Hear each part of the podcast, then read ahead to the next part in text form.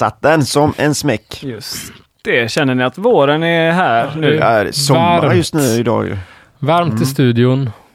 Och jag eh, rullade hit på mina sommardäck på cykeln. Ja, snyggt. Ja. Det är, det är kanske det sämsta med den här studion, att det räcker att det är över 10 grader varmt ute så är det bastu Ja. här inne. Och att vi absolut inte får fönstren öppet för Sebastian.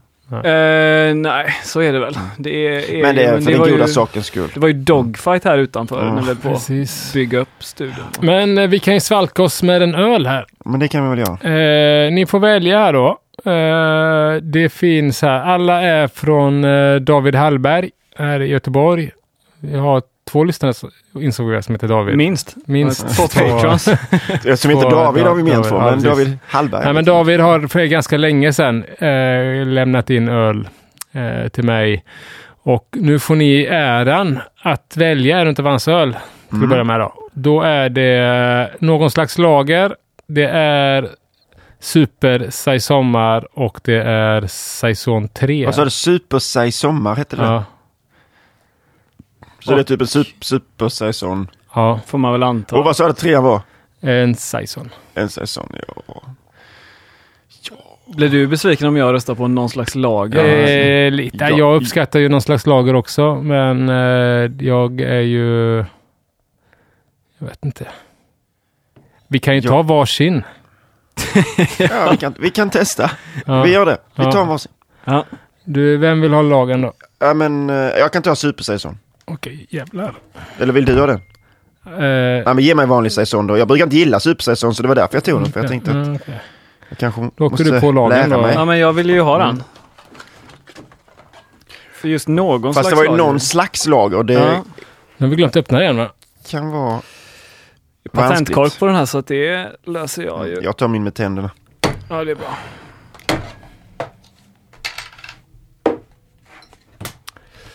Ska vi se vems öl som är vackrast. Ska vi se vem som kan dricka upp först? Den här var riktigt snygg kan jag säga. Halm. Gyllengul. Ja, lagen var också otroligt snygg. Säsongen var väldigt, fin. väldigt blank. Ja, det var... Ljus, halmgul och blank. Hade du haft dem stående länge i kylskåpet? De har Själva. stått här eh, Ja, på stu- studions kylskåp ganska länge. Så de har väl stått ändå kallt. Ja. Men skål då David! Man, Ja, Om man tittar på glasen så kunde man tro vi drack samma faktiskt. nästan. Så man känner ändå en viss tillhörighet eller gemenskap. Lagen känns ju aningen mörkare än... Eh, Ja. Ja. skål. Skål. skål. Så nu har vi skålat allihop. Det måste väl vara Bretta den här säsongen? Det var då. Äh, Har, har du, kan du kolla i det receptet? Ja, Okej. ja. Eh, säsong 3 då är ju eh, jäst med pilsnermalt, vetemalt, socker. 80, 12, 8 procent. Mäskat i 63 grader 90. Magnum SAS eh, 1046 OG eh, FG på 01. Eh, och så har han pitchat 565, 650 och 648 samtidigt. Eh, och det Ja, är väl siffrorna? 565 är väl Belgiens säsong va? Någon där är väl kanske, vad kan jag tänka mig att det är eh, Trois och någon brett kanske? Kan inte någon googla det medan jag läser vidare? Jag, säga. jag kan ju inte, nu kommer jag inte ens ihåg eh, numren här. Men den är jäst på jästkakan från Supersize Sommar. Varför gjorde jag så? Starkt öl först, svag öl sen. Jag vet inte. Det var nog dumt va? Ja, Ja, var precis som innan hade jag ingen bild av vad jag sökte för att få ut. Han ville då ta fram en årlig, eh, ta, han brygger tydligen Ja, det är ju berättigat. Tre sorters jäst i en öl känns lite väl spännande ändå. Säkert tre, fyra månader sedan flaskning. Mm. Det är väl fördelen med berättat att de ändå håller sig färska liksom. För det tyckte jag att, den här också, den känns inte gammal liksom. Nej, den känns väldigt fräsch. Eh, gav ju en bra koppling till dagens avsnitt om IPA sen med. Men eh, jättegod öl den här säsongen. Ja, mm. Ska vi gå vidare med min säsong då? Ja, Men det kändes också att det var, att det känns ju att det är en, eh, en uh, supa-säsong. Den är liksom ganska het men fortfarande jävligt lättdrucket liksom. Eh, så väldigt välbryggt ändå. Eh, och här är det Pale Ale, vete, mörk Münchner och socker. Eh, det här med lite sådär lite Münchnermalt i sin säsong, eller Vienna brukar jag ju ha för att bygga lite kropp. De jäser ut så mycket liksom. Så tycker Mm. jag det är gött med någon sån malt för att få lite mer, du vet, stunds. För att få lite smak i Ja, precis. Ja. malten. Liksom. Eh, och eh, den är jäst med samma jäst då. Och eh, jästnäring och askorbinsyran är också. Han pitchade båda jäststammarna i direkt i primären. Lät stå i två månader. Buteljerade med 5 gram socker per liter. Vill göra typ Orval, men som säsong. Men orkar inte berätta i flaska och ha mig. Ingen aning om hur det borde smaka. Tyckte det blev okej, men inte så hög hinkabilitet. Tycker jag att det var ganska hög hinkabilitet. Den här, eh, min är ju orvallig. Men din borde vara lite starkare. Mm. Alltså lite Orval-feeling får man ju. Men det är ju mer får man ju av doften, rätten automatiskt, Ja, exakt. Ljus öl med brett. Ja. Eh, lagerölet då? Ja, Någon slags lager. någon slags lager. Jag, Ja. Nu när du höll på att prata där så höll ju ölet på att rymma ur flaskan under tiden. Just det. Ja. Jag, jag såg också, för den är nog flaskjäst, för jag såg att det började komma upp så här go- goda grejer från, eh, från botten liksom. Okej. Eh, så att nu är den inte så klar och fin längre. Ja, ja. Andra glaset jag hällde upp, men eh, Nej, det står att en flaskhäst där. ja. Jag har fått det lite brett i den också Okej. kanske. Han, ville, han ville tydligen klona någon form eller tolkning av Flowers från Spike. Okej. Det ska ju vara en frankisk lager Flowers. Mhm. Eh, Ja. ja. Och maltbasen är Münchner Light, pilsnermalt och kitmalt. Mm. 45, 45, 10. Mm. Och Det är väl nog ganska... Jag, De har 50-50 Münchner och pilsner i den vet jag. Vet jag, jag har, de inte... Jag tror att de har kitmalt i den också. Känner jag Kalle... Inte från början i alla fall. Känner jag Kalle rätt så är det kitmalt i den. Ja, fast ja, det, i så fall har det kommit på i Ja, efterhand. Ja.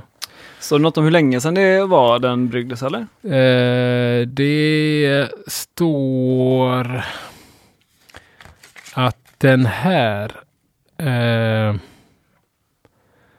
eh, det här är... Står ingenting om det. Känner du inte det på smaken? Ja. Nej, men det var det jag funderade på om den... Eh, Nej, men den här är väl också som sagt... Jag fick Men varför de här- heter den någon slags lager? Är det någonting som är... Vad är det där med slags? Den, den, den heter så, någon slags. Han har döpt den Ja, till Okej, bara för att det var en lager, men han visste inte riktigt hur han Ja, skulle precis. Ja. Ja. artbestämma den. Nej. Då fattar jag. Eh, Tettnang, Halta Mittefru, Tettnang, eh, i Whirlpool. Så ganska humlig ändå, tycker jag det verkar vara i... För han har kört Whirlpool, humle. Det kanske, kanske de inte gör i Franken genom det. Inte, de gillar inte... De, eller mycket där De de humlar ju också på säger. de frankiska rätt bra kan de ju Ja, göra. ja. Och sen jäst med 3470. Eh, saknar dock möjlighet till kyld jäsning så humrar på som en galning för att kanske dölja någon liten felsmak eller två. mhm. Vad säger du Sebastian? doftar? Nej men jag, det, det var väl inget... Eh, jag, jag, tänk, jag, jag fattar den här någon slags lager-grejen. För att jag kände väl också att, eh, vad är det för slags lager? Ehm, inte, inte jättehög beska, Nej, men ganska humlig är den. ganska humlig ja. Men den, är ju, den har ju pikat om man säger Den så. har tröttnat lite, Mm, mm. känns det som. Tappat i kropp och lite sånt också. Ja precis, med tanke på hur mycket Münchnmalt det var och sådär. Men Mm, eh, mm. det har nog varit en trevlig lager. Ja, men i det stora hela var det väl ändå hyfsat välbryggda öl alla tre, va? i alla fall framförallt Ja, säsongen. jag liksom. blev ju kär i min säsong. Ja, alltså. ja. Tyckte också min var väldigt bra. Den försvann ganska fort här. Den flaskan. Eh, bra gjort. Mm. Ja. Och tack för de här handskrivna lapparna också. Det var trevligt. Det var som var jobbigast, brygga ölen eller skriva de lapparna. Ja, Just det, vi kommer lotta ut de här lapparna Lapparna, till. Patreon. Ja, precis. Vi ska rama in dem och sen ska vi låta ut dem. På tal om att lotta ut grejer till Patreons. Ja, det ska vi göra. Vi, Ja. fick, vi hade ju den här spårvagnsresan. Eller som den numera kallas, den episka spårvagnsresan. Just det. Om folk fortfarande undrar när, när kommer det här avsnittet? ja, ja. Ja, alltså det kanske kommer. Det lå, det, jag, jag, ärligt talat, ljudet är det inte så stora problem med. Det är nog mer egentligen, eh, är Innehållet. det, så kul, är det så kul att lyssna på om man inte har den visuella biten? Ja, tänker jag. Ja. Ehm, så vi kanske, ah, det, kan, det kanske kommer framöver om vi... Som någon liten extra grej då. Ja, det kommer absolut inte vara ett ordinarie avsnitt. Nej, Nej, nej. nej. men fortsätt din tråd där. Jo, eh, vi hade ju fått jättefina grejer utav eh, ölbryggning.se är utanför Örebro där. Eh, goodiebags. Och det, vi hade ju några hastiga inställda eh, åkare som inte kunde åka. Så de fick ju ingen goodiebag. Eh, så vi tänkte vi kanske lottar ut dem till eh, våra Patreons istället. Mm. På något sätt. Och det gör vi eh, efter avsnittet är slut. Ja, men håll utkik, eh, håll utkik på vår Patreon-sida Ja, helt enkelt. Eh, och då kanske, man, då kanske vi kan säga så här att var man med på spårvagnsturen, Då får man inte. låt bli, att vara med och tävla Ja, om ja, det här då. För ja. att ni har ju redan fått. Ja, så kanske ja. man kan säga. Ja. Sluta vara så giriga, Ja. men det, det behöver jag inte säga. Men vi ska räkna igenom lite vad vi har, men det kanske blir... Det vill säga Eh, att vi inte kan tävla ju. Nej, Diskvalificerar du oss? ja, per automatik. Ja, ja. Nej, du är ju inte någon Patreon heller va? Sebastian? Jag är det ju. Är du, det, det är Simon som inte är det. Jag var väldigt tyst, väldigt, väldigt tyst. Men eh, jag tror inte. Siva, kan du rent tekniskt vara det? När det, Nej. det är du som är våran Patreon. eh, Det är som när, det är som, det, lite som när han, Dr. Alban, gick och köpte tusen av sin egen singel. För att han skulle klättra Ja, på någon lista på Ja. 90-talet. Alla vi längtar efter sommaren. Friends in need. Ja, Vilken pang, vilken pangskiva. pang. Ja, Ska de det göra comeback snart? Ett under att han var tvungen att gå och köpa egna skivor för att den skulle spelas. Men var det Dr. Alban? Gjorde han det Jag vet själv? att Bert gjorde Det är ju det. den, det är ju den sämsta. Det är liksom, han är ju ändå, han är ändå en, liksom en tydligt känd artist. Men, ja, precis. Ja. Så gjorde Bert Karlsson det? Ja, det vet jag att han har gjort vid någon, eh, någon gång. Så, Köpt sin egen. någon dansbands eh, Okej. som han skulle upp där. Ja. Mm. Ja, ja, det- Patreon förresten, en grej kan vi säga, för det var någon som frågade mig att de visste inte riktigt hur man gjorde det med det där med Patreon, fråga, alltså som typ inte visste vad det var. Nej. Om man vill bli Patreon så går man ju in på patreon.com och eh, ja, an- tecknar väl ett litet konto där, anmäler sig och Mm. sen kan man ju välja upp all, hit, där finns det ju massa olika saker man kan, kan ge pengar till höger och vänster där om man vill. Olika, Ja, det är inte bara podcasts. Det är väl eh, alla möjliga eh, Ja, jag kreatörer. jag har Patreon något eh, bryggforum bara också. Ja, Ja. Till exempel. Men allt möjligt kan man Patreona. Eh, det finns en app också. Patreon-appen som man... Eh, eh, för då får man ändå notiser och sånt kan man få. Eh, du vet, nya avsnitt eller för det händer någonting i, i också. Mm. Jo, men då skapar man ett konto där, så söker man helt enkelt bara på hembryggning, halleluja, och så kan man välja hur mycket man vill donera då per avsnitt. Och Mm. Man kan också sätta en månadsgräns om man vill det. Om man vill bara ge en summa i månaden till exempel. så att inte vi släpper ut tio avsnitt. Nej, än. precis, vi kör en sån fuling. vi ska lägga ner podden nu så vi kör tio avsnitt. på 10 en 10 vecka. minuters avsnitt. Ja. ja, det blir det. livepodden kommer jag släppa en, en minut i timmen Ja. Under eh, ett tag. Ja, nej. Nej, men det var ju en bra poäng. Mm. Ja. Yes. Eh, men eh, vad ska vi prata om idag då? Vi ska prata om IPA, engelsk IPA, Okej. tanken. Ja. Vi har ju pratat om vilka IPA vi pratat om. Black IPA pratar vi om. Dubbel-IPA. ja.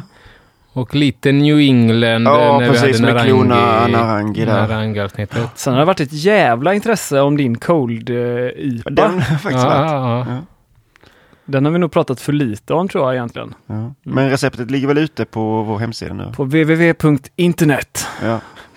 Exakt, där hittar ni den. Ja. Eh, mm. Men idag var det då engelsk IPA. Mm. Kick-ass. Men Ha. vad är det för skillnad på engelsk och brittisk IPA? Får man säga brittisk IPA eller är det löjligt? Ja, min svåger är ju irländare. Ja. Och eh, han eh, identifierar sig inte alls med den eh, ölkulturen som finns i England. Okej. Så, eh, för det är väl ändå en del av Storbritannien, Irland? Nej. Nej, det är Nordirland som ja. är det. Ja. Då, då tar jag tillbaka det. Ja. Då tar jag tillbaka det. Men brittiska öarna är det en del av. Ja, det är det. Precis. Så då tar jag tillbaka det åt andra hållet. ja. Men den heter ju engelsk IPA i alla deffar och sånt. Det gör, det gör det alltså. Jag, jag vet inte vad jag har fått för men jag tycker att det låter bättre att säga brittisk IPA än engelsk IPA. Men då ska jag börja eh, börja säga engelsk IPA helt enkelt. Mm. Det tycker vi verkligen. Mm. Men man säger engelsk IPA och inte English. English IPA. English IPA. Varje gång. så jävla gammal alltså. Så jävla tråkig. Ja, engelska Ja. IPA. Och Ja. det var ju bra att jag valde det ämnet. För ingen annan av oss hade gjort det. Exakt. Så fick jag chansen att läsa den här eh, väldigt braiga boken utav Mitch Steele, IPA-boken eh, som han har gjort. Eh, jag har läst den innan, men eh, det var väl värt att läsa om där kände jag. Mm. Och det, det, har ni läst den? Ja. Delar jag. Ja, väldigt bra är den. Tycker jag. Nej, det var länge sedan jag läste den. tysta, alltså. Nej, men det, var, det, var, jag, det var nog tio år sedan jag läste den Ja, jag. okej. Men jag läste den då. Ja. Är den så gammal? Ja, men jag pratade väl om det, har jag för mig, när jag pratade om Black IPA. Jag fick ju den boken av brorsan och det var där i som det här receptet på Stones Black IPA var. Han är väl- 2013 ser jag att den är publicerad. här. 2013? Så det är nästan tio år. Det kan inte stämma då, min historia. Lögnare. Det var ju 2011 jag var och drack den. Ja, skit i det. Ja. Det Klipper kanske bort, var en annan bort. eh, Det upplaga. kanske var andra upplagan som släppte Ja. 2013. Ja, just det. Jag fick den här beta-versionen. Precis. På papyrusblad. Ja, nej men så vi ska prata eh, om den. Och eh, först har jag då ett gediget historieinslag. Spänn fast er! Ja. Och vi ska prata om eh, den här ölen som man exporterade till eh, Indien, George Hodgson där som var eh, hans Bow Brewery som var eh, framstående när det gäller det. Exporten till eh, Indien. Vi ska prata lite sen hur den utvecklades med Burton, staden Burton och de bryggerierna. Och sen ska vi prata om hur den tog fart hemma i England. Och sen dess eh, undergång också faktiskt. Spännande. Eh, Men först en liten prolog. Var vi befinner oss så att säga i, eh, i eh, bakgrunden. Ja. Allra första humlade ölen eh, lär troligtvis eh, varit i England då varit importerad flamländsk öl som kom någon gång på 1300-talet. Jag trodde du skulle dra upp hon eh, Hildegard von Bingen. från fingern igen. Ja. Nej, Det var hon som kom in med den. Ja. på 1000-talet ju. Ja. Men hon, hon stannade hemma. Hon åkte Ja. inte till England. Nej. Nej. Vad vi vet. Sen på eh, de här flamländare, det var också flamländare som sen på 1500-talet slog sig ner i England i Kent och började odla humle. Sen kom det en eh, period då man var rätt tveksam till humle i eh, England. Man tyckte att eh, öl med humle i det smakar inte öl. Det ska vi inte ha. Men sen var det väl lite där med hållbarhet och sådär som gjorde att eh, det kom ändå mer och mer med tiden. Man fick göra en liten distinktion att om det hette ale, som var namnet på det som man hade benämnt öl med tidigare, så eh, då skulle det vara utan humle. Men om man benämnde det beer så eh, skulle det vara med humle då. Så det, eh, då kunde man enas. Men sen så blev det då som sagt var mer och mer humle, mer, liksom. Och sen fram på 1700-talets början, liksom, då odlade man mycket humle och eh, använde mycket humle i ölen i England. Detta var också en tid då de kommersiella, kommersiella bryggerierna började att ploppa fram. Det var ju nu som industrialiseringen började i England. Och eh, innan dess hade man ju bryggt på taverner och eh, gårdar och de här ale wives som Magnus pratade om. Eh, det var ju på det sättet man bryggde öl. Men nu på 1700-talet så började det ju komma bryggerier. Man, man drack väldigt mycket öl. Det var någon uppgift om att 1695 så gick 28 procent av eh, per capita-inkomsten till öl. Hur många procent av er inkomst lägger ni på öl? Mer eller mindre än 28 procent. Ja, det är mindre Det alltså. är mindre. Det måste vara mindre. Garanterat mindre. Ja, definitivt mindre. Ja, Ja. jag hoppas det. Faktiskt. även inkluderat ölbryggningsprylar. Ja. Ja, men, så det var ju, men det var visst, det var ju en viktigare del i näringsintaget på den här tiden också. Liksom. Man drack ju det. Det var inte bara för att det var sköj och gött att dricka öl, utan det var även som näring. Liksom. Vid den här tiden så kölnade man ju malt eh, med, liksom med eh, ved eller med eh, torv eller kanske med eh, halm. Man fick ju en ma malt som var lite brunaktig och eh, med rökiga toner. Kan vi nog utgå ifrån att det var. Därför lagrade man ju ölen för att det skulle lite grann försvinna bort den här rökigheten. Redan på slutet eller mitten av 1600-talet där så hade man börjat att göra stenkol, men det hade inte riktigt slått igenom än. Eh, Men det kom ju sen eh, så småningom och då så skapades ju eh, Pale Ale-malten. Så ljusa malten i England som de kölnade till vid låg temperatur. Och då kom det också många nya öltyper. Bland annat Pale Ale. Jaha. Surprise! Shit. yes. Och eh, October Beer. Aha. Den, eh, det var ju en öl man gjorde på helt och hållet eh, Pale Ale-malt. Eh, humlade rejält och man bryggde alltid den i oktober, november när man hade ny färsk humle. Annars kunde man ju många gånger använda liksom två, tre år gammal humle, men då på den använde man bara den nya färska humlen. Så den fick ju mycket humlekaraktär. Var det därför den hette oktober också? För man bryggde den i oktober vid Ja, precis. skörden typ? Precis, precis. Och sen eh, lagrade man den också sen då. Minst ett år på fat. Så den har väldigt mycket likheter, den här October Beer, med vad som kommer att bli IPA. Right. Mm. Och eh, det kommer vi till nu då. 1700-1800-tal är det som vi eh, rör oss i. En tid då brittisk ölbryggning eh, blomstrade.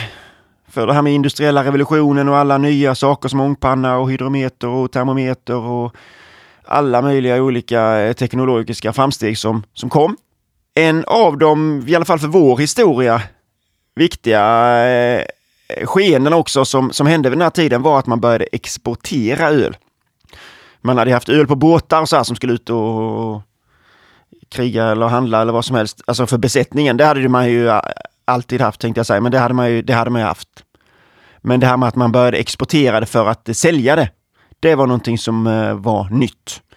Och då var det till Englands kolonier, att man hade byggt upp en massa kolonier över hela världen. Så att man exporterade ju öl till Amerika, Australien, Västindien, Indien, eh, Ryssland, Baltikum också. Och eh, här finns det ju en del historier, skrönor om att eh, finns ju en del gamla ölböcker om att eh, ölen väldigt ofta gick, eh, blev dålig på färden dit och att man fick stå sen i hamnen och hälla ut ölen och så här.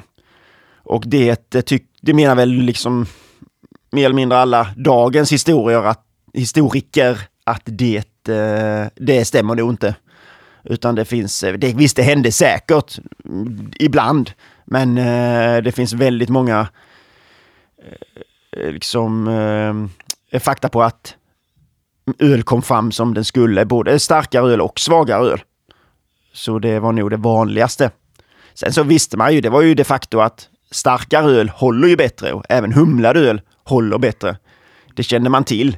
Eh, det finns i, fanns i läroböcker från 1700-talet, ölbryggningsböcker då, att skulle man exportera en öl så skulle man stoppa i en tredjedel mer humle för att den skulle hålla sig.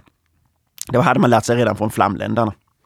Ostindiska kompaniet är ju eh, viktiga här när det gäller handeln till Indien som vi koncentrerar oss på nu. De eh, startade på 1600-talet och sen på 1700-talet så eh, var de ju den ja, de var i handelskanalen mellan Indien och England. Deras affärsidé var ju att importera exotiska indiska varor till England och ta hutlöst betalt för dem. Och det tjänade de ju mycket pengar på.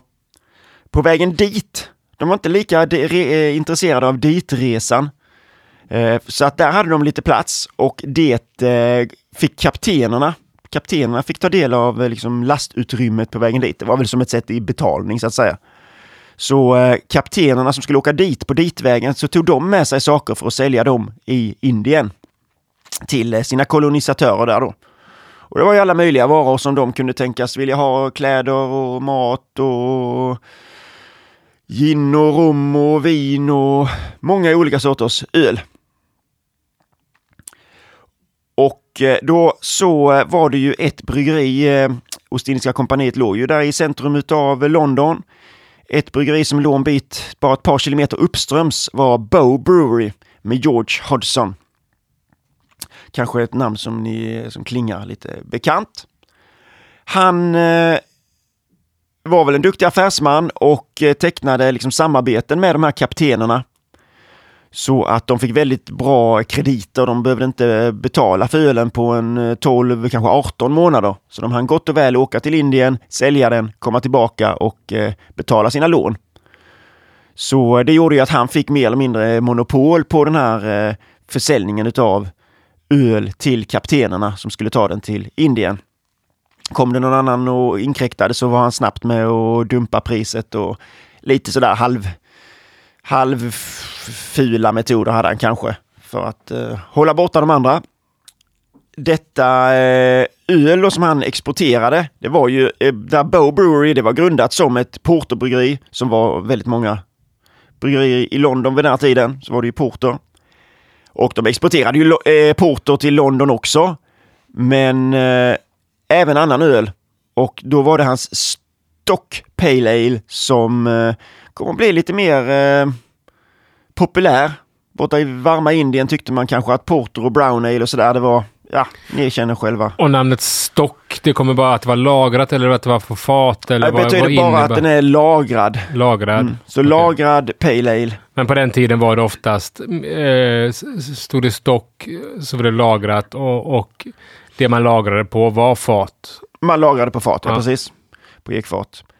Eh, och då använde man ju, då vill, man ville inte ha någon lagringskaraktär liksom. Nej. Så att man använde ju fat eh, norr, med ek från norra Europa. Tätt mellan årsringarna. Skulle ge mindre smak utav... Så fransk ek eller? eller Nej, utan ännu mer Nordeuropa, liksom Okej. Baltikum, All Polen eh, och lite sådär. Ja. Tror jag var eh, mycket därifrån. Ja. Sverige kanske. Ja. Eh, den här Stock Ale var ju, ja det var ju en ljusare öl som eh, blev eh, lite populärare där i det lite varmare klimatet. Så eh, allting om att man läser ju ibland i eh, någon gammal, på någon gammal flaska eller någonting liksom om, om att han skulle ha uppfunnit India Pale Ale. Det, eh, det kan vi nog vara helt säkra på att så var det inte. Det finns inga, inte i någon annons eller så här från den här tiden att eh, Hodgson nämner liksom något annan, liksom nämner India Pale Ale eller någon annan India Ale eller eh, Ale prepared for India eller något sånt här liksom begrepp som man kommer kunna se senare inne på 1800-talet sen i annonser och sådär. Men eh, inte någonting överhuvudtaget om att det skulle vara någon annan öl. Och prismässigt så låg den samma också så att eh, allt tyder på att det var hans vanliga Stock Pale Ale. Men var han först med att brygga stock pale ale? Det Eller tror jag inte. Det Utan det, inte. utan det var liksom en allmänt eh, spridd ölstil liksom. Ja, det, så var det. Ja. Precis. Eh, men eh, den allra första benämningen av India Pale Ale kom sedan eh, 1835. Så att då är vi ju en... Hur lång tid eh, hade det gått då sen Ja, vi snackar ju... Eh, Hodgson, när startades det bryggeriet? Ja, men typ mitten av 1700-talet där någon gång. Ja, så Så att... knappt eh, 100 år då. Ja. Mellan, eh, mellan 50 och 100 år någonting senare. Mm. Som, som India Pale Ale nämns. Men då hade man nämnt några varianter på det lite tidigare. Där som jag sa innan med Pale Ale for the India Market och lite sånt. Men så, eh, nej så att han uppfann IPA är ju tvekla, tveklöst eh, inte sant. Men däremot så var han ju vid den här tiden, sent 1700-tal, tidigt 1800-tal, det absolut viktigaste bryggeriet för eh, export av öl till Indien. Det är väl eh, helt säkert. Men var det den in, inhemska indiska befolkningen som drack det? Eller Nej. var det exilbritter? Exilbritter. Ja. Och eh, den här ölen var ju en gjord på 100% Pale Ale malt. Humlades med humle från eh, Kent. Så, ja, East Kent Golding. Och eh, man återanvände ju gästen då hela tiden och eh, kunde klarna den lite grann med isinglass, olika äggskal och gelatin användes också. OG runt 1070 och en utjäsning då som gjorde att den låg på en 6,5 procent. Det var, det var väl så den såg ut. Och 6,5 var för, för perioden en ganska stark öl, eller? Nej, inte direkt. Nej. Utan det fanns nog ganska många öl som var, men däremot så höll man ju på med det här eh, eh, jag har tappat namnet på det, när man eh, alltså eh, häller på... Eh, Partyguile. Partyguile, precis. När man häller på vatten på mäsken, tappar ut, tappar, eh, liksom, tappar ut all vört, fyller på med nytt vatten och eh, tappar ut igen. Och sen kanske man blandar dessa på lite olika sätt. Så att det fanns ju svagare öl också, men det var inget anmärkningsvärt starkt 6,5 procent. Eh, vi säger den här October Beer var ju, var ju betydligt starkare. Den låg ju säkert upp mot 10 liksom. Vad blir det för utjäsnings... Vad blir det för FG på det? 1070, 6,5 procent för drygt 1020 någonting eller? Ja, någonstans där. De hade väl lite, lite lägre utjäsning. Men ändå, Ändå inte... ändå inte så... Nej, nej. Ja, Ja, carry on den. ja, ja. Men eh, det var ju den första eran där då med Hodgson kan man säga. Sen så eh, började Ostindiska kompaniet att tappa lite grann på 1800-talets början där, 1810-talet. De, eh, det började komma andra företag som också eh, gjorde samma sak. Och eh, konkurrensen eh, hårdnade helt enkelt.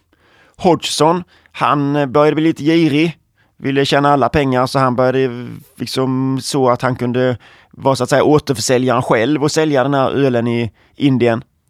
Och eh, han tog, drog ifrån deras krediter och sådär med så att det blev svårare för Ostindiska kompaniet där, eller för kaptenerna.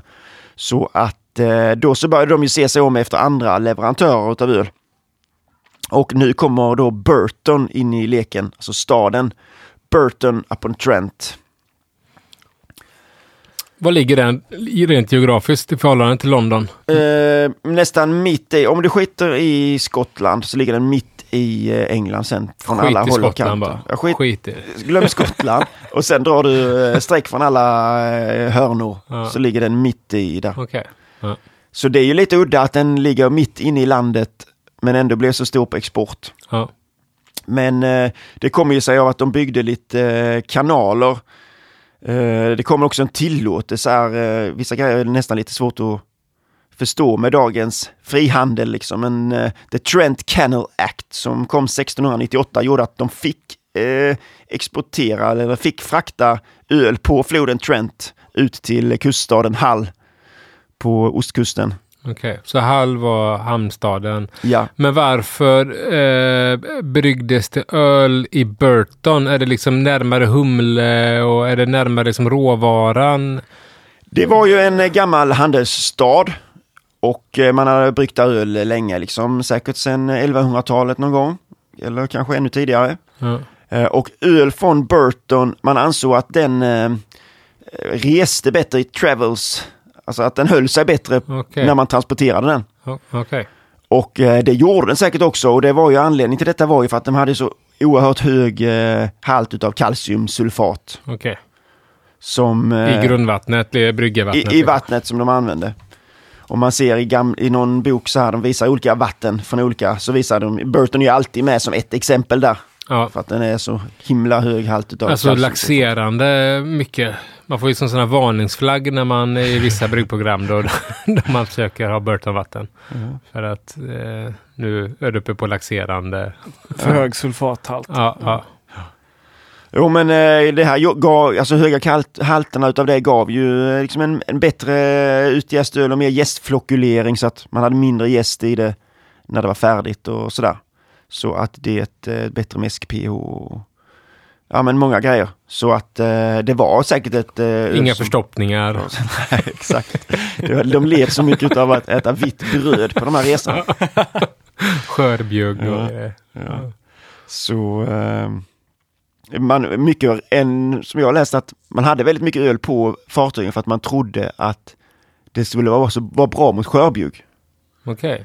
För det trodde med, med, så var det med cider. Var det att, att det spred sig för att motverka skörbjuggscider från, från Baskien upp till Frankrike. Liksom. Men hur är det med cider? För det är ju C-vitamin man ska ha Ja, mot skörbjugg. ja, och det finns ja. det ju inte i öl. Det finns Nej, allt nej, annat nej, än visst. just. C-vitamin. Finns det det i, i cider eller? Ja, det måste det finnas. Det är ju ändå en frukt. Känns va? lite mer rimligt. Eller vad ja, det? ja, lite så. Nej, så att anledningen till att man hade det var ju för att vatten surnade på, på, på eh, det blev dåligt på fartygen då. Mm. Eh, sen det kom också en annan kanal som gick till Liverpool på västkusten. Så då hade man ju verkligen kontakt med alla kusterna liksom. Och man kan förstå att de exporterar mycket öl för på eh, slutet av 1700-talet så eh, bodde det 5000 personer i Burton. Och de hade 30 bryggerier. Får jag ställa en kanalfråga bara? Ja. Är det, är det de här kanalerna, jag har sett på sådana här jäkla gulliga turistfilmer, man kan du vet åka kanalbåt i England.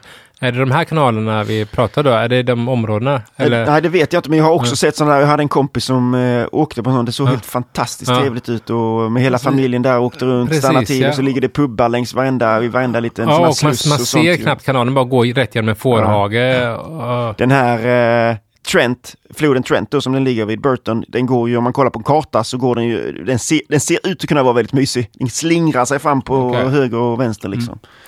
Meandrar sig, Ja. heter det, om jag får be. Mhm. Kolla här.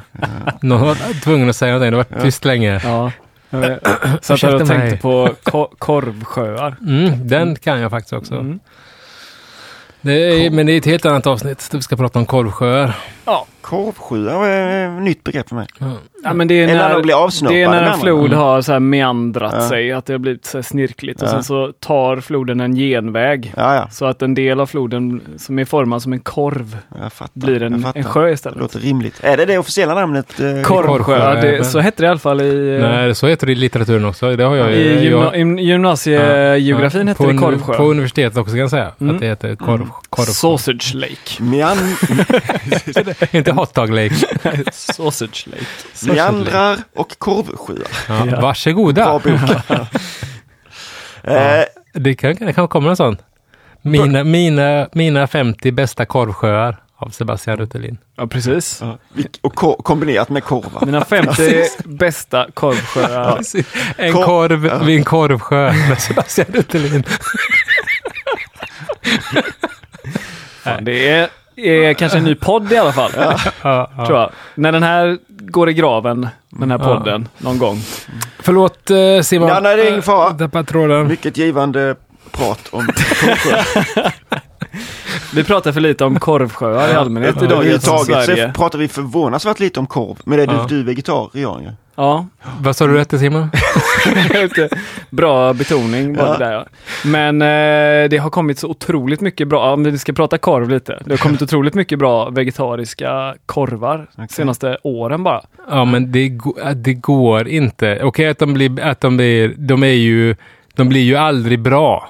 De Nej, men- är ju fortfarande bara okej. Det går ju aldrig att jämföra med en riktig korv. Nej, men eh, Är det som en alkoholfri öl? för, för sju år sedan så var det ju liksom, då var ju de vegetariska då, korvarna... Då var det tragik. Tragik hade ju ja. ingen textur som ens påminde Nej, om. nej, men nu nej. finns det ju liksom sådana som ändå har typ som ett korvskinn och Ja, det finns ju väldigt Ja. bra köttlika. Alltså jag är ju inte sån som känner att jag måste äta grejer som känns som kött. Nej. Men jag tycker att korv med bröd är en så jävla praktisk, eh, Fantastiskt. Det är som banan. praktisk lunch liksom. Ja.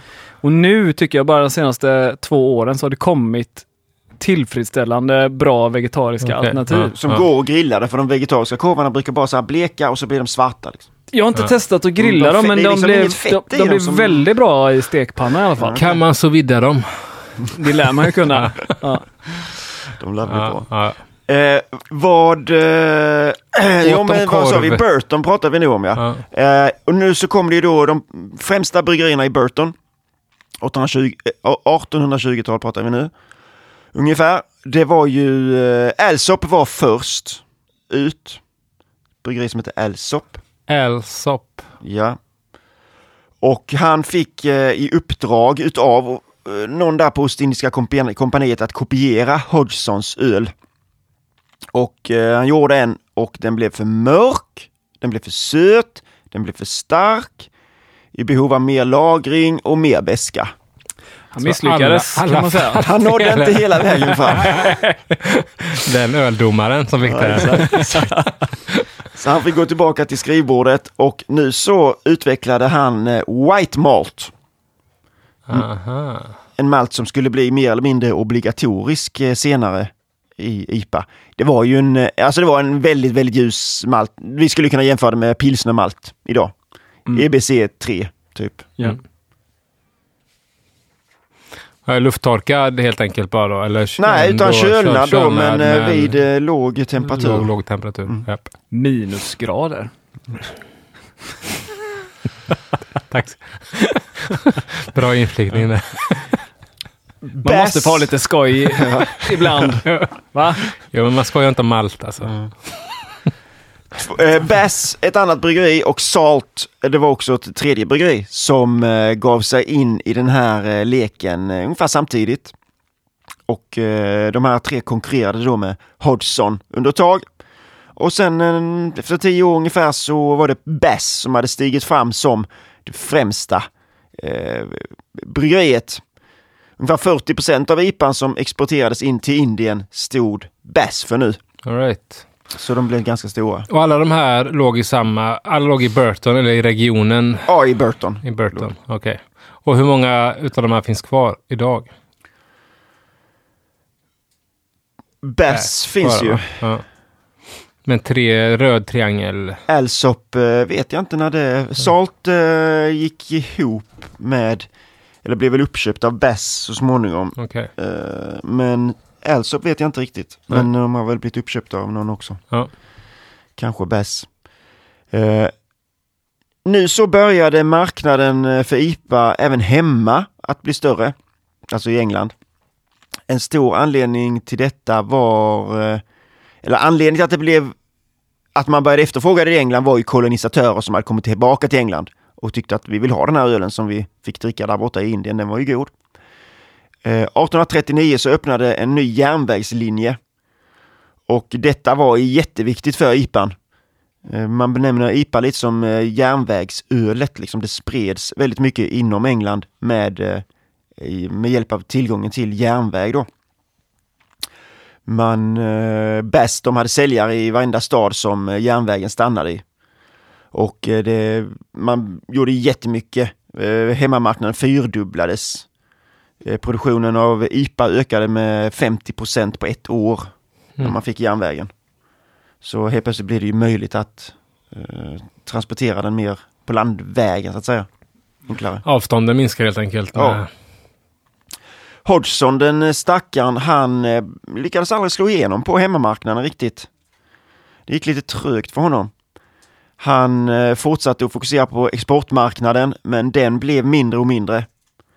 Så eh, han eh, tynade bort. 1840 så såldes bryggeriet och 1862 sen så gick det till slut i konkurs. Lite tråkigt. Ja, men det... Ja.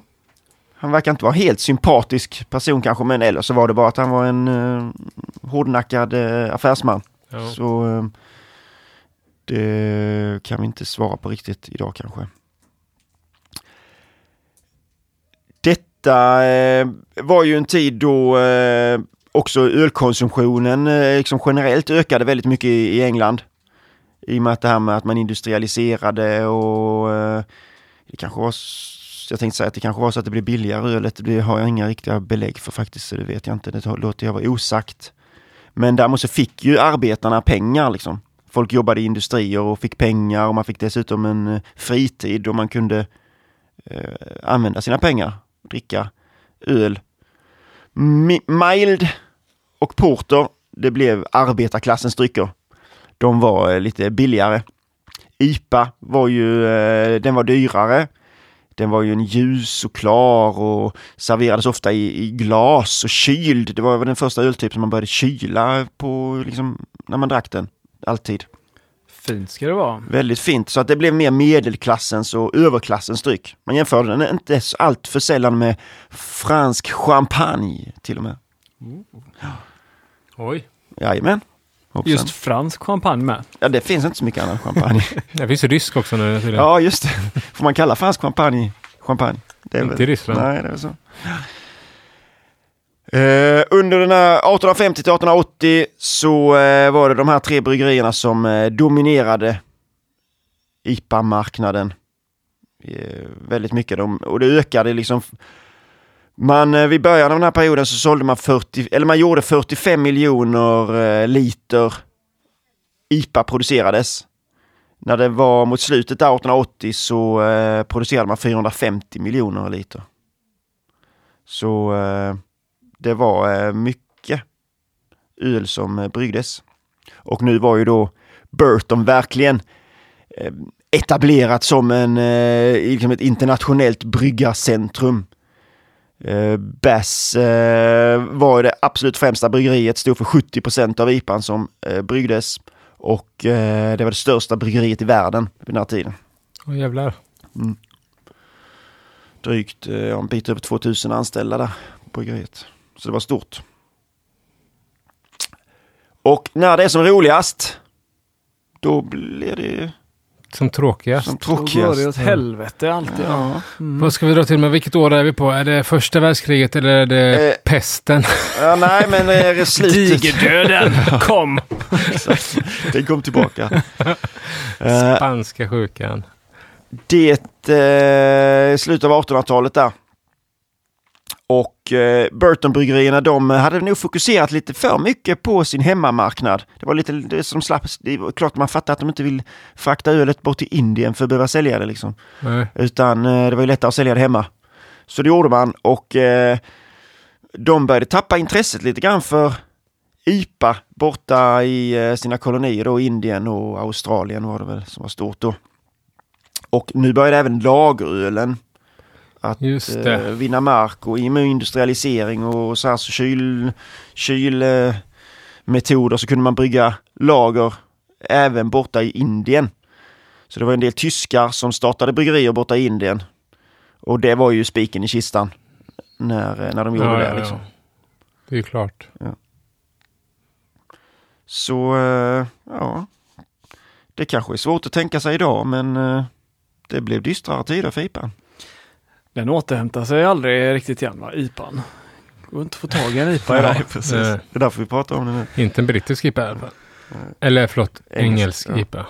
Även, eh, även på hemmaplan så eh, blev det bara sämre och sämre för att eh, öldrickarnas preferenser de, eh, de, eh, de förändrades. Man eh, ville inte dricka den här gamla lagrade stock-alen utan man gick mer mot ljusare öl och svagare öl. Nykterhetsrörelsen var ju väldigt stor där runt 1900-talets början. vet vi ju även från Sverige. Och de tyckte ju att man hellre skulle dricka bitters eller lager var också Mhm. generellt lite svagare då. Nykterhetsrörelsen. Ville att man skulle... Så det Man- bitterhetsrörelsen. Nykterhetsrörelsen ville att man skulle dricka, ja men drick 4 procent Ja, drick fem sådana istället. Så var det ju i Sverige också. Här i Göteborg så har ju den gode Peter Wieselgren som startade IOGT bland annat. Eh, han sa ju det att krossa det fördärvliga brännvinet och drick istället det nyttiga och hälsosamma ölet. Så det var ju nykterhetsrörelsen från början var ju liksom, det var inte total avhållsamhet utan det kom ju, det kom ju senare. Men, eh, men de tyckte att man skulle dricka svagare öl. Man skulle inte vara aspackad på allmän plats. Sågs inte riktigt okej längre. Industri. Cheferna där på industrierna ville inte att deras arbetare skulle komma bakfulla och När Och var det okej att vara jättefull på allmän plats? innan det så var det helt okej. Nej men det, såg, det var liksom inte, det var mindre och mindre acceptabelt. Så att man drack eh, svagare och svagare öl. Ölkonsumtionen sjönk ganska mycket och eh, ölen blev eh, också eh, svagare. Men redan innan man började, för man började väl brygga svagare öl på grund av skatte...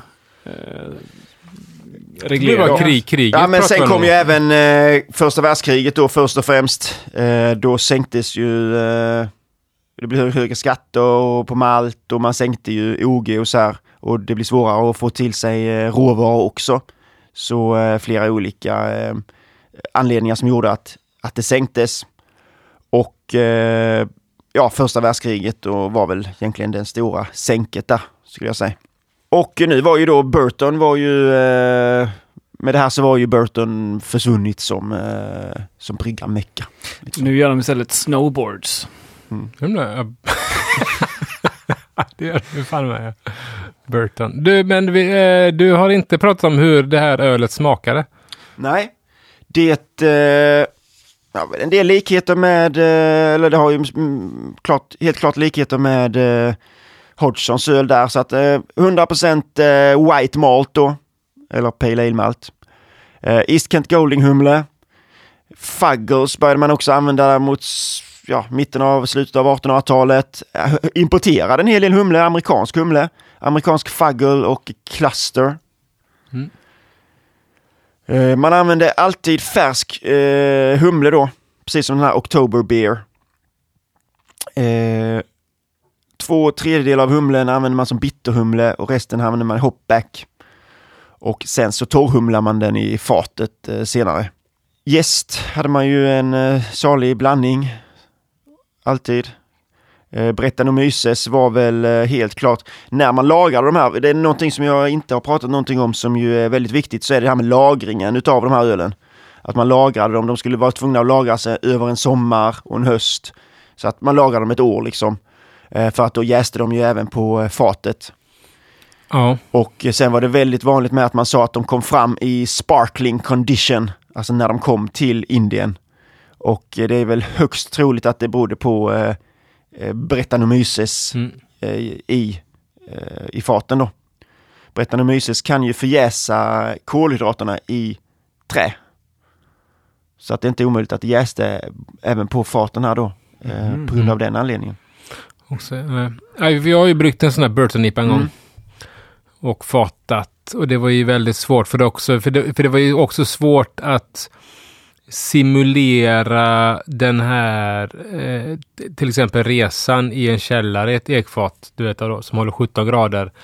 Som det, när det är verkligheten, ja, men Ja, det är ja. verkligheten så guppar det. Och, de- och de stod ju oftast på däck fattar jag som, så det var ganska varmt. Det var ju typ tre, lagringen var ju 30 grader på vägen bort till Indien och resan tog typ tre månader tror jag. Så tre månader på fat i ganska varma temperaturer. Det går ju inte riktigt att simulera i en källare i Majorna liksom. Nej precis, och den här ständiga liksom, rörelsen. Ja, att de nej, Nej, så det var ju någonting man märkte att de, de lagades ju snabbare Ja, när de eh, transporterades dit. ja. Nej, så att det, det, visst, det är nog svårt att simulera. Ja. Klart. Det blev lite som en eh, Madeira. Att det värms upp och kyls ner så här hela tiden också. Ja. Och det gör ju att den, eh, Precis, ja. man får den här maderiseringen som det Mm. heter på. Men då har jag en eh, fråga, eller du kommer kanske tre här nu snart, men eh, det som vi känner som en engelsk IPA idag och Ja. som finns i eh, typ öltyps definitioner på SOBF och sådär. De har typ väldigt lite med det här att göra då, eller? eller, det, Ja. Eller de har all, allting fram tills du lägger det på träfat och skickar det till Indien. Är det... Eller när Nej, kom alltså om vi- den? Läser den eh, svenska eh, öltypsdefinitionen så tycker jag att den eh, vi, ska ju, vi kan ju läsa den så, så kan vi ju se att den skiljer sig. Min uppfattning är att den skiljer sig ganska mycket från den här historiska. Och den IPAn som är med i stiltypsdefen är väl det som kom sen vid, men runt där då eh, första världskriget när den blev lite svagare. Eh, nu började man använda, använda crystal malt också. I och med att ölen blev svagare så kände man väl att vi får komplettera med lite karamellmalter. För att ändå ha lite smak på den liksom. Mm. Så eh, det var då som man började använda crystal malt i IPA. Eh, tidigt 1900-tal där då. Eh, och att den blev lite svagare. Men har Alltså- den fått någon revival i England, den här ölet? Eller är det liksom amerikanska bryggare som sen plockade upp den här då historiska ölstilen och gjorde den till sin? Eller var den, var det, vad, var, var, var den för engelsmännen då? Ja, alltså den kom ju att bli vid den här tiden där eh, vid första världskriget där, så kom den ju att snarare bli eh, Martin Cornell, eh, engelska ölhistorikern, han menar ju på också att alltså den blev ju väldigt lik en bitter och att den, den blev så lik en bitter så att det går inte att urskilja från en, eh, från en ordinary bitter. Och av den anledningen så menar han på att den IPAn som man ibland kan se idag i England som ligger på en 3,5 procent där liksom. Han tycker inte att det är någon IPA egentligen. Nej. Den eh, allra största IPAn i, England är väl eh, Green King IPA på 3,6 procent. Ja, det är ju en bitter. Ja, alltså det är liksom. Okej att det precis. står IPA på, Mm. men det är smakar ju... De använder ju IPA bara som ett eh, säljargument, där, så ja. skulle jag säga. Ja. I och med att den är, blir en bitter liksom, Ja. när det kommer ner till det. Så eh, det har väl blivit en liten, sen har det blivit liksom en liten, ja, dagens IPA, jag vet liksom var, var, var, var kommer den ifrån kan man säga? Dagens Eh, engelska Dagens engelska IPA, ja, precis. Ja. För att den har blivit liksom, den blir svag. Man börjar använda karamellmalter så den blir svagare. Men sen har den ändå gått upp lite i alkoholhalt mot Ja. mer vanliga liksom. Så att eh, ja, bra fråga. brittiska, kollar vi brittiska defen så är inte den lika karamellbetonad liksom. Men vi får väl ta och läsa, vi tar och läser defen. Ska du göra det Sebastian? Ja, det kan jag göra. Mm. Då öppnar jag den här ypperliga applikationen jag har i min mobiltelefon här nu då, som heter SHBF. Och så går jag in på Karaktärsfull Ale 4E engelsk IPA. Här står det ju lite bakgrund ungefär. eh, Det, eh, allt det som du har sagt står Det här. står där. Men det... Ja, men det står det är som en disclaimer här. Även om den är gjord för långa sjötransporter bör den inte lagras länge då hum humlenyanserna förloras. Har de lagt till här. Men då ska vi kolla. Där får man humla den i fatet ju. Ja, precis. Eh, kortfattad karaktärsbeskrivning. Tydlig maltig ale med kraftig humle som dock ej döljer malten. Färg. Bärnsten till kopparfärgad. Arom. Medium humlearom som ska komma från engelska sorter. Andra humlesorter får förekomma, men då på en mycket låg nivå så att den engelska karaktärs, karaktären inte döljs. Maltaromen på medium nivå ska ha inslag av karamell, knäck, lättrostat bröd och en kakig karaktär som tar ner humledominansen. Doften får inte vara söt eller fruktig. Smak. Humlesmak av engelsk karaktär ska vara på medium till hög nivå. Humlekaraktären ska dock inte dominera smaken helt. Maltsmaken, som ska vara på medium nivå, ska innehålla inslag av havrekaka, karamell eller knäck. Ölet ska ha en torr och ren karaktär. Fruktestra får förekomma på en låg nivå. Avslutningen ska vara torr. Bäskan ska vara medium till hög. Munkänsla. Medium kropp, väl utjäst, torr. Sen har vi lite förebilder här då. Buttcomb Brunel IPA 5,0. den, den ja. Den är äntligen. Eh, Oppegårds Golden Ale 5,2. St. Peters India Pale Ale 5,5 procent och sen så har vi Eskilstuna som gör en som heter Skogstorps IPA 6,0 procent. All Mm. right. Vad jag, min första tanke var ju fan vad mörkt den ska vara. Jag ska, dra, jag ska dra datat här också bara förresten. Eh, det ska vara OG på 1050 till 1065, FG 1010 till 1016, ABV 5,0 till 6,5, IBU 40 till 60, EBC 25 till 40. Bärnsten till kopparfärgad, ja. Ja, det, det får du ju inte med pilsnermalt, eller eh, basmalt endast menar. Nej, nej, nej, det får du inte. Så att den defen, dagens def har ju ingenting med den här historiska. Nej, Nej, det- var historisk. Liksom. Det köper jag, men, men jag tänker väl mest bara... Att den är väldigt mörk ändå ja. Eh, Ja, Mot- nej, men jag, ja, lite så ja. Är, det, är verkligen de engelska... Nu var det ju- eh, Nu är det, ju- dricker inte jag engelsk IPA dagligen. Men, men eh, eh, sist jag gjorde det, var det verkligen så mörk? Nej, alltså den brukar väl vara lite, lite bärnsten. Det kan den gå till. Ja, det Ja. kan dra mig till. Men, Mm. ja. All right. Ska spännande att se här hur din ser ut sen. Om den är Mm. mörk bärnsten. Ja, det var väldigt lite om det här med estrar. Det, Ja. för att vara en brittisk öl. Ja, var det något annat ni tänkte på med deffarna där? För det står ju inget, för vad jag upplever är ju att eh, idag, moderna bryggeri, inte moderna, men eh, ska se, hur ska vi säga, för det finns ju moderna, det finns ju bryggerier i England idag som brygger liksom amerikansk inspirerade IPor. Eh, men man pratar om de här gamla bryggerierna som fortfarande brygger något form av engelsk IPA, så är det ju ändå ganska vanligt att man använder typ Cascade i. Mm. Eh, eh, är det något, och, och, då, alltså, och då fattar jag som att de till och med odlar Cascade i, i England idag. Eh, att det är engelsk Cascade man använder. Men är det någonting som ni skulle verkligen avråda ifrån att göra? Om man ska tävla är ju en fråga, Bl- blir det gott är en annan fråga. Och nej, jag skulle nog, eh, jag skulle godkänna på båda de, i båda Mm. fallen. Ja. Inte att man tokhumlar den med Nej, nej, liksom, men att det- man har en liten skvätt för att Ja, fräscha till det lite liksom. ja. Ja, det står här i den delen jag inte läste, så står det att humlen som används är traditionella engelska humlesorter där inte citrus eller tropisk fruktighet dominerar. Mm. Mm. Mm. Mm. Men det är ju bara i den här första Ja, ingressen, eller vad man ska kalla det. är det. ja. Men det stod ju att man kan under- använda Men- annan humle, men så länge man låter de brittiska sorterna vara Okej. dominerande. Jo, men visst, den ska ju... Så länge man tar Sriracha liksom. Så. Då är det okej. Ett jävla tjat. Okej. mig. Ja, ja. Men jag vet inte hur den här Cluster, hur den... eh, Nej, Jag vet inte vad det är för humle, om vad den kommer. Inget jag är, är eh, van vid att använda. Jag har aldrig använt den. Nej, Nej. den var extrem tropisk bomb.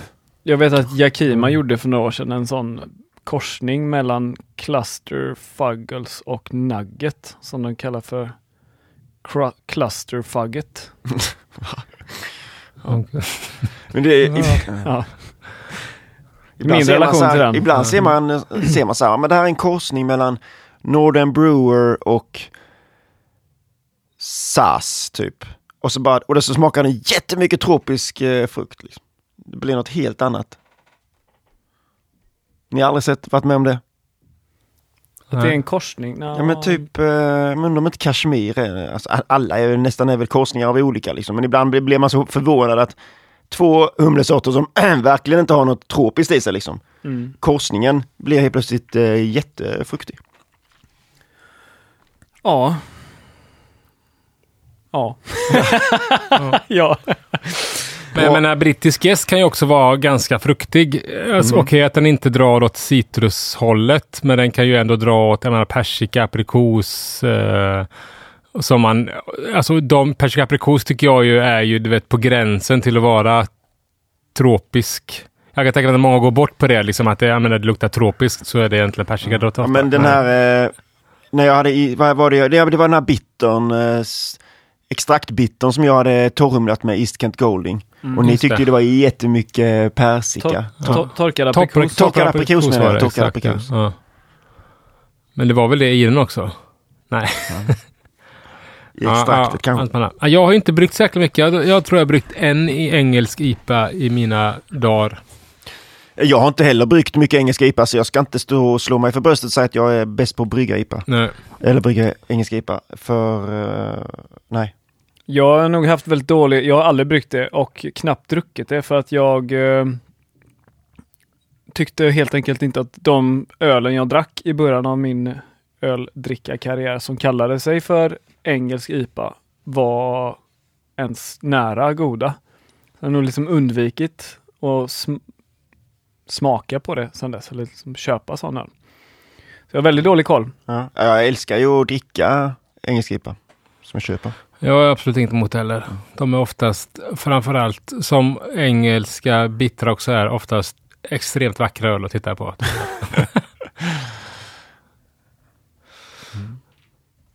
Ja, Men eh, hur brygger man den då?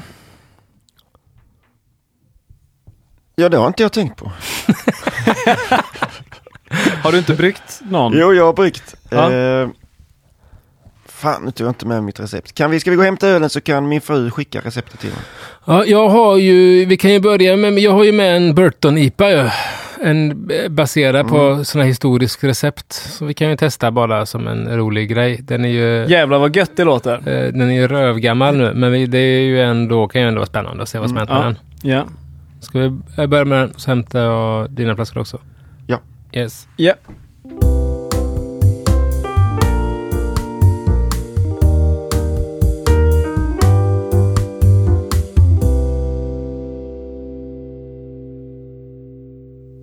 Eh, Okej då, jo här är ju eh, en Burton IPA då som vi bryggde eh, med de här ekfaten jag hade i min källare. Eh, och då bryggde vi något historiskt. Så det är brittisk lagermalt, 100%.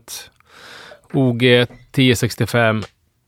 Eh, sen humlar vi eh, enligt något, jag tror att det är något gammalt sånt Pattison-recept. Eh, och då humlade man 90, 60 och 30 och sen torrhumla i fatet. Med ganska mycket humle. Eh, och sen så jäste vi, som vi, enligt Pattison så var, hade de ju, de flesta bryggerier den tiden hade ju inte en gäststam utan det var ju en, du vet, pyttipanna med upp till 14 gäststammar har man insett då. Så, så alla jäste med varsin brittisk gäst. Försökte blanda liksom brittiska Mm, okej. gäster. Och sen så fatat på ekfat, eh, torrhumlat och i fatet tillsatte vi Brettanomyces clauseni. För det är tydligen den som man trodde eh, att, det, att det var i de här faten. Men den. då låg den med humle i fatet då? I, Eh, jag kommer inte ihåg. Nej, jag tror inte den gjorde det. Så Nej, jag, okej. jag tror inte vi hade fatet, utan vi, vi fatade i häfte, eller om jag hade i eh, en tid innan flaskning. Sen en flaska då, och den här buteljerades då 2016 05 05. så det är ju fem, sex, Sex år. år. sex år gammal. Mm. Hur mycket humle sa du att du hade? Jag kommer inte ihåg, jag har, jag har inte skrivit det, men det var, jag kommer, vad jag kommer ihåg så var det liksom jävligt mycket. eh, Det var beskt som fan, eh, var det. De är för de här gamla, de som jag läste Burton IPA, så låg de på ungefär 15 gram humle per liter Ja. i koket. Yes, något sånt Och två jag. tredjedelar Ja, eh, skulle ju vara då som, eh, som bitterhumle. Ja. Det var mycket humle. Ja. Mycket bitterhumle med det. Ja. Oj. Ja, langa hem, langa hit era vaser.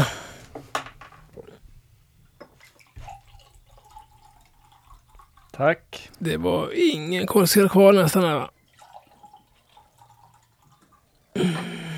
Vi, Det är nog hos, historiskt korrekt också att det inte ska vara för mycket. Eh, det är ju ganska mycket... eh, Det är ganska mycket berett nu. Så den har ju Doftar vidare. en- som Jag hade gissat att det var en suröl. Ja, Jag trodde den också att nästan det var doftar ganska lambic. mycket. Ja. Men det är ju en annan intressant fråga eh, då vi pratar för... Oj, eh, det smakar ju som en lambic med. Är du säker på att det inte är? Ja, det smakar, smakar väldigt mycket det lambic. smakar inte IPA. Nej. Nej, den har ju kraschat. Ja. Det var ju en ganska god lambic. Den har ganska mycket THP. En uns i alla fall.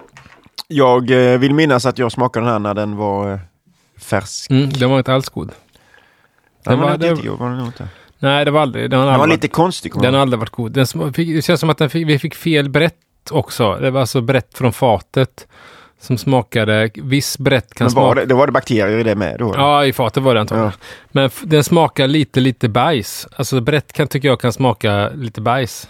Inte för att jag vet hur bajs egentligen smakar, men Mm. alltså... Men du kan jävligt- tänka så dig. Jag kan tänka mig Ja. att... att eh, och det gjorde den länge. Det, kändes, så det, kändes, det blir inte alls de här tropiska tonerna från Brettanomyces clauseni, alltså fruktiga toner från bretten, utan eh, det var bajsiga toner från...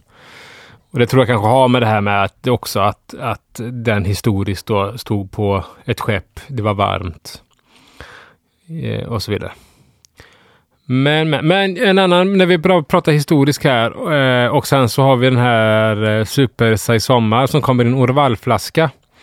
Vad bryggdes först? Orval eller eh, eh, Burton Iporna? För, eh, för, för, för den är ju ganska ipig Orval med brett. Men eh, man brukar väl säga att Orval var ett försök att göra engelsk pale Så, okej. Ja. ja, det, Hade du inget svar på den eller? nej, det Jo, men det, det, Nej, det var en fråga. Ja, det tror jag Ja, att det var så. coolt.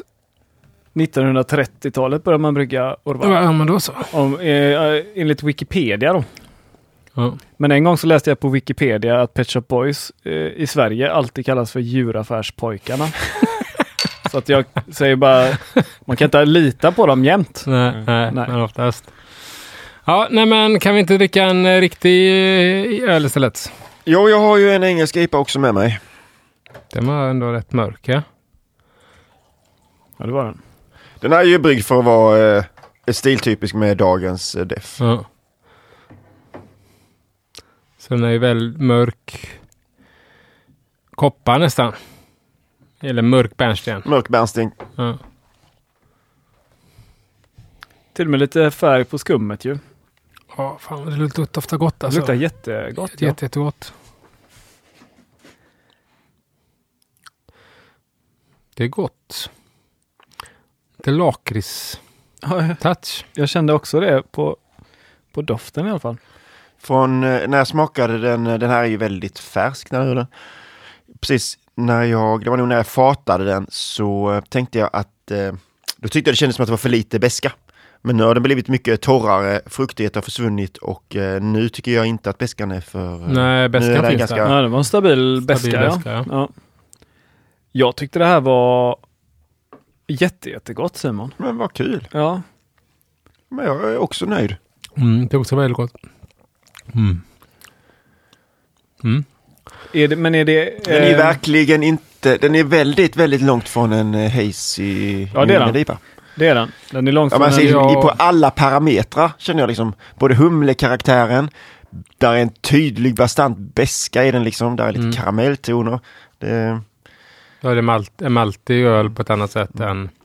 Nej, verkligen om man är ute efter haze och får plocka det här, då blir man ju besviken. mm, Och tvärtom. Om man är ute efter en Såklart. engelsk IPA. Men det är ju lite, är det, det, är det humlen eller är, är det estrar som gör att den är lite, känns lite så, någon Ja, typ av fruktighet? Gå igenom receptet här. Det var spännande Ja. att se vad du valde för humle. tycker du det? EKG. Ja. Eh, vi börjar med malten. Marys Otter, 72,5 procent. Just det, det är sån engelsk malt. Precis. Sen så körde jag eh, Caramalt, som är en ljus karamellmalt, 30 till ja, typ 30 EBC. Som ju, den tycker jag är väldigt god. Man brukar hitta den i alla, alla goda eh, brittiska öl som jag kollar upp receptet på så är det alltid Caramalt i. Okej. Så att det har jag 10% Caramalt. Sen så körde jag även eh, 5% Caramunic 1.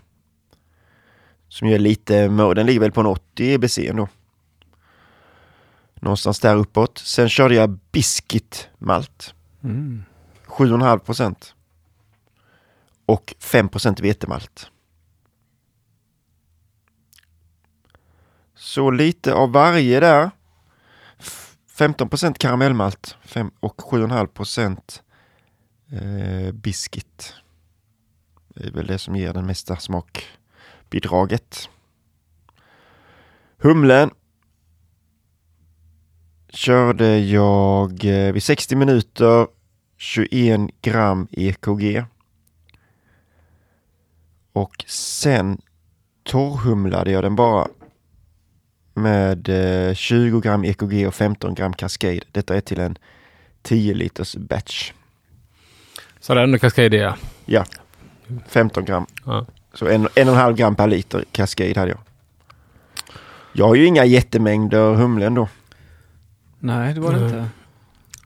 På tal om humle, alltså brittisk, brittisk humle. Eh, hade ju en sån gammal f- eh, favoritöl ett tag som heter Rudless County. Mm. Som det var Bramley Cross i. Som ofta stod som beskrivet och skulle lite svartvinbärs-touch. Vilket jag tyckte den gjorde i Rudless County. Är det någon humle ni har använt er av eller vad har ni för? För jättelänge sedan använde jag det en hel del Bramling Cross. Men, Ja, eh, ja. Jag hade ju den i Ja. min bitter. Ja, just det. det eh. Ja. Som eh, då när du hade det i julas där, Ja. bitteravsnittet. Ja. Jag har haft en någon gång tidigare. Jag gjorde en björnbärsstout en gång. Okej. Och tänkte att jag skulle komplettera. Liksom, för, den, för jag har läst att den smakar björnbär. Okej. Men det smakar ju björnbär, men eh, det var ju kanske för att det var björnbär. True. var ju jävla dumt tänkt egentligen. Ja. Ja. Jag eh, använde gästen Irish Ale. Jaha. Det så var faktiskt mest en eh, slump. Det råkade ja. bli den. Är det Guinness som är ursprunget för Irish Ale eller är det typ Kilkenny? Jag vet inte, men den har, det är inte sådär jätteestrig är den ju inte. Nej. Eh. Nästan är väl ganska neutral. Ja. Jag använde den för att jag hade köpt den för att jag skulle göra stout och sen så blev det att jag kom på att jag behövde brygga den här. Tror jag. Till Okej. dagens. Ja.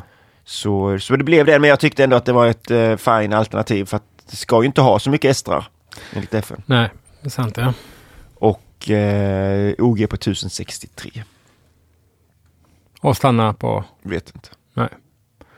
Ant- Den stannade på något bra. Det är då Ja. jag har glömt att skriva upp dem. Ja, Alltid. Det är samma för mig Ja. ungefär.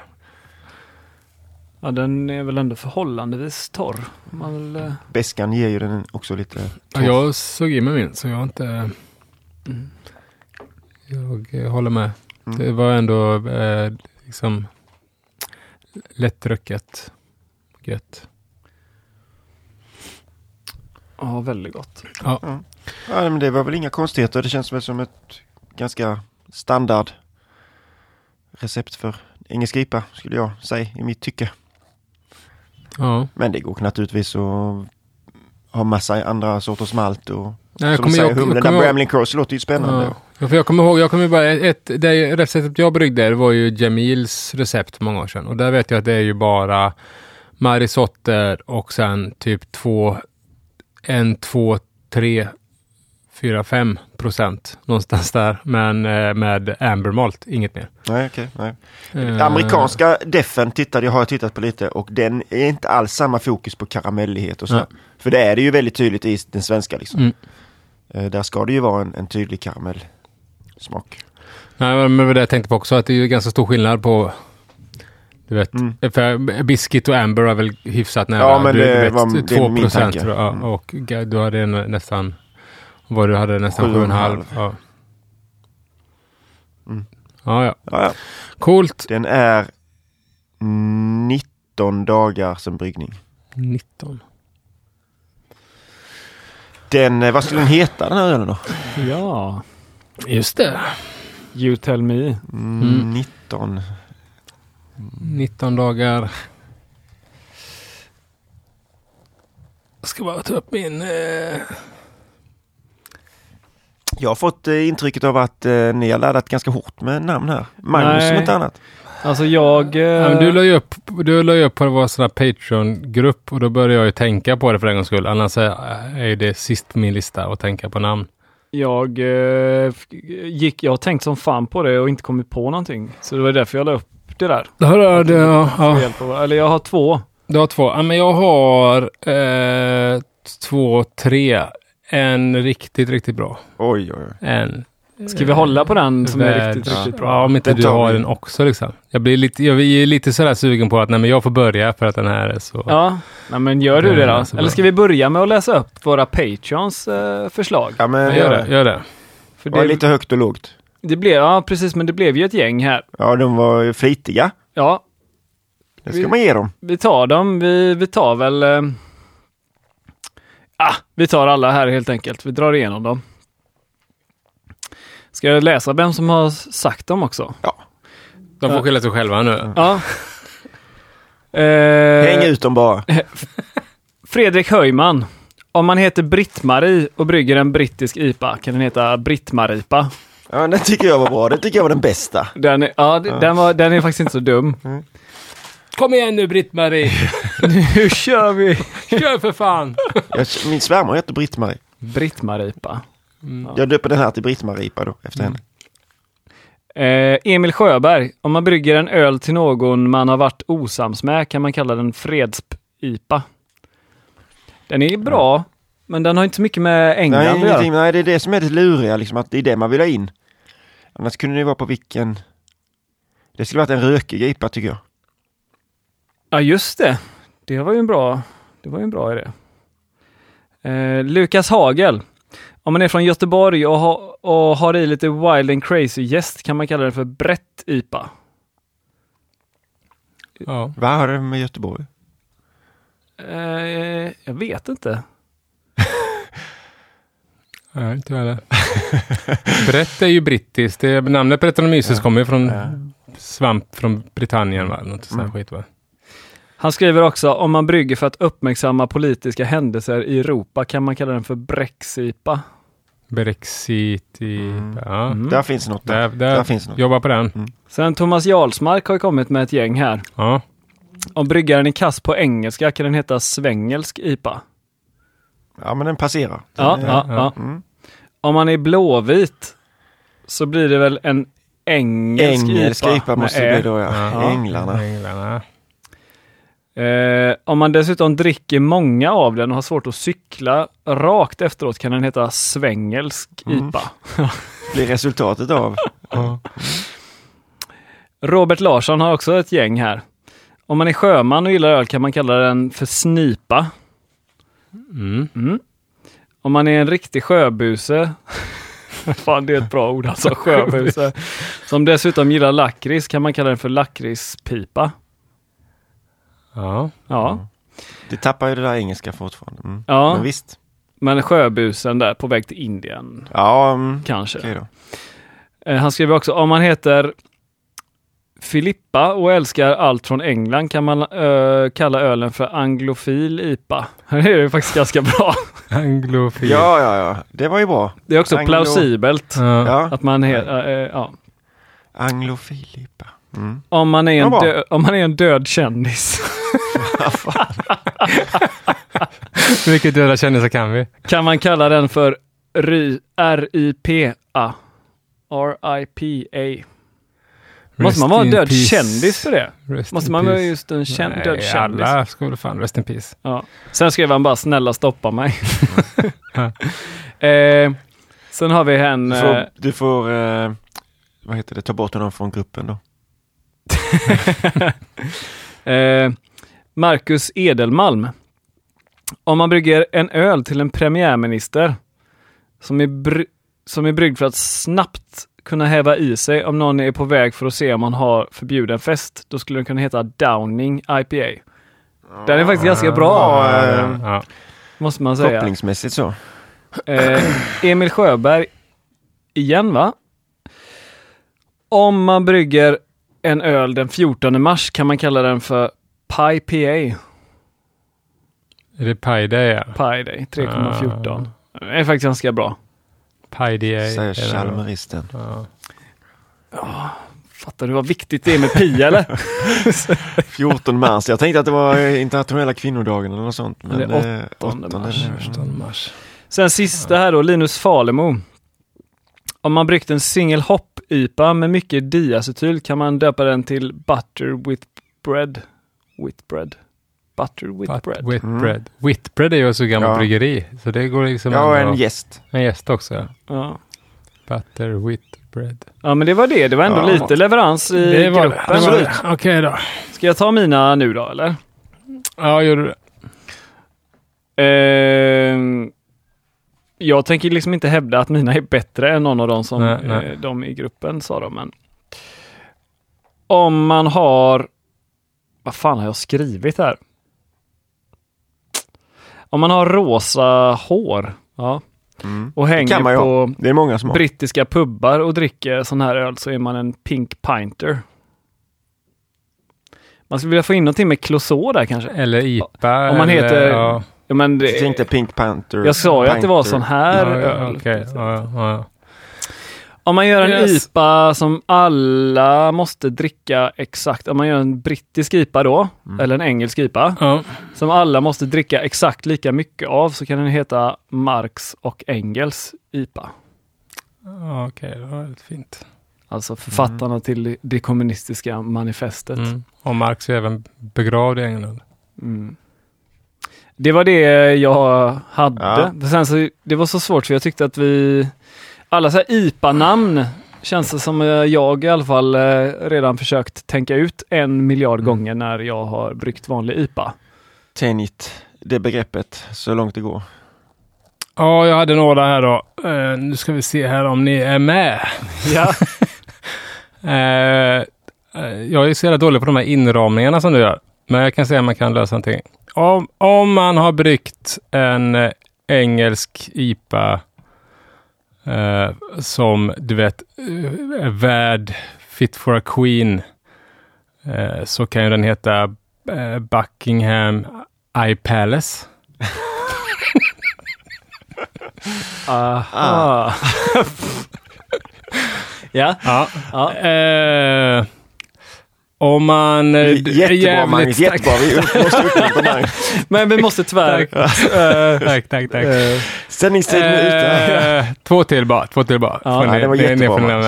Duktig- duktig om Magnus. man är liksom ett jävligt punkigt bryggeri som bara, "Nej, vi skiter i det här, vi brygger med tysk malt och amerikansk humle. Då kan ju det bryggeriet heta eh, The Six Platos.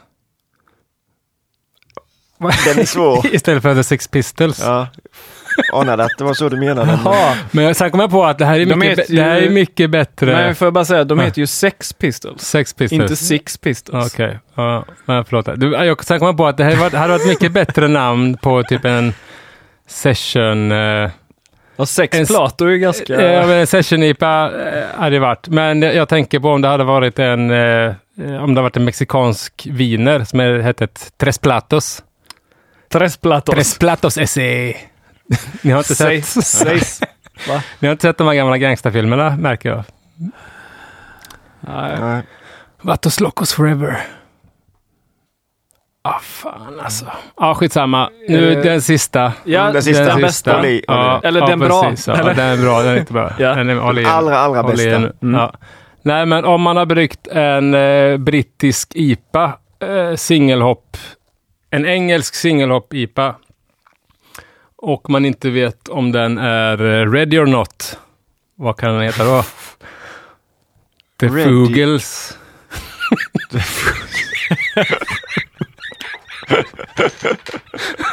Ja.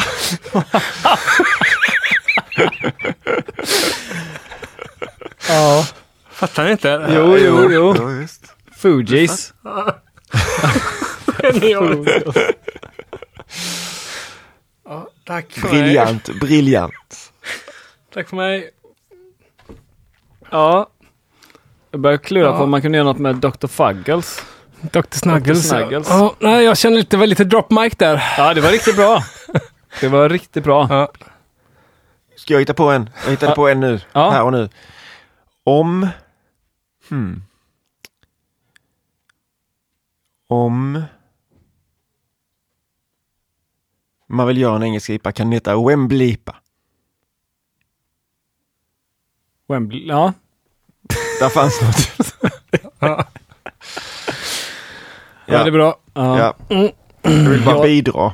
Jag, jag försökte verkligen komma på någonting som hade med britpop att göra. Ja, jag försökte, jag gjorde ju den här. Det gick ju inte att uttala dock. Oapiasis.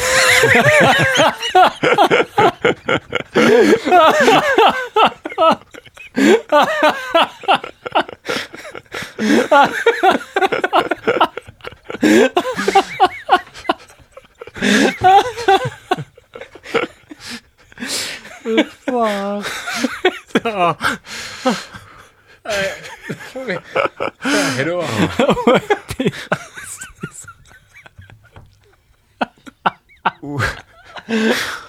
Eh, vad... det var bara så jag vet. Vad är det liksom nästa ölstil? Vad ska jag börja liksom fundera på?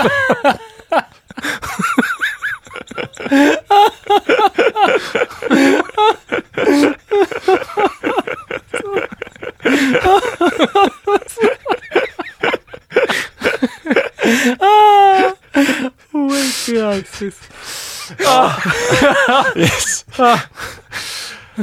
Som nästa, sagt, drop mic. nästa, nästa ölstil om, om fyra veckor. Det var ingen som lappade på det här med att skicka in öl till det här, men till idag, men vi säger det väl ändå nu va. Det blir Schwarzbier då. Det är jag som håller i spakarna då. Alltså om fyra veckor och tycker man det är kul att skicka in en Schwarzbier till oss så är det deadline då, ska vi säga 16 maj kanske? Shoot. Ja visst, absolut. Men det kommer ett avsnitt eh, mellan Det det och detta, eller hur? Ja. Och det kanske blir eh, en Brynhällugas tråkigaste avsnitt. Ja, men det är Nej, något som, men som lite- alla hatar. Liksom. Ja, precis. Det ska handla om, om städ, tänkte vi. Mm. Eh, av, 95 procent av eh, bryggningen, som man brukar säga. ja, 80 brukar jag säga. Ja, skitsamma. Men vi Slarva lite. slarvar lite. Precis. Städ ja, ack så viktigt ja. Ack så viktigt, Mm. ack så tråkigt. Kan man tycka. Men vi ska försöka göra det skoj. Ja, precis. Ja. Du kanske kan komma med lite roliga städnamn? Namn. Ja, det tror jag inte. Ja. Ja. Nej men Ja. gött! Yes, Bra. bra. Yes. Tack för idag. Tack så yes, mycket. Tack själva. Halleluja!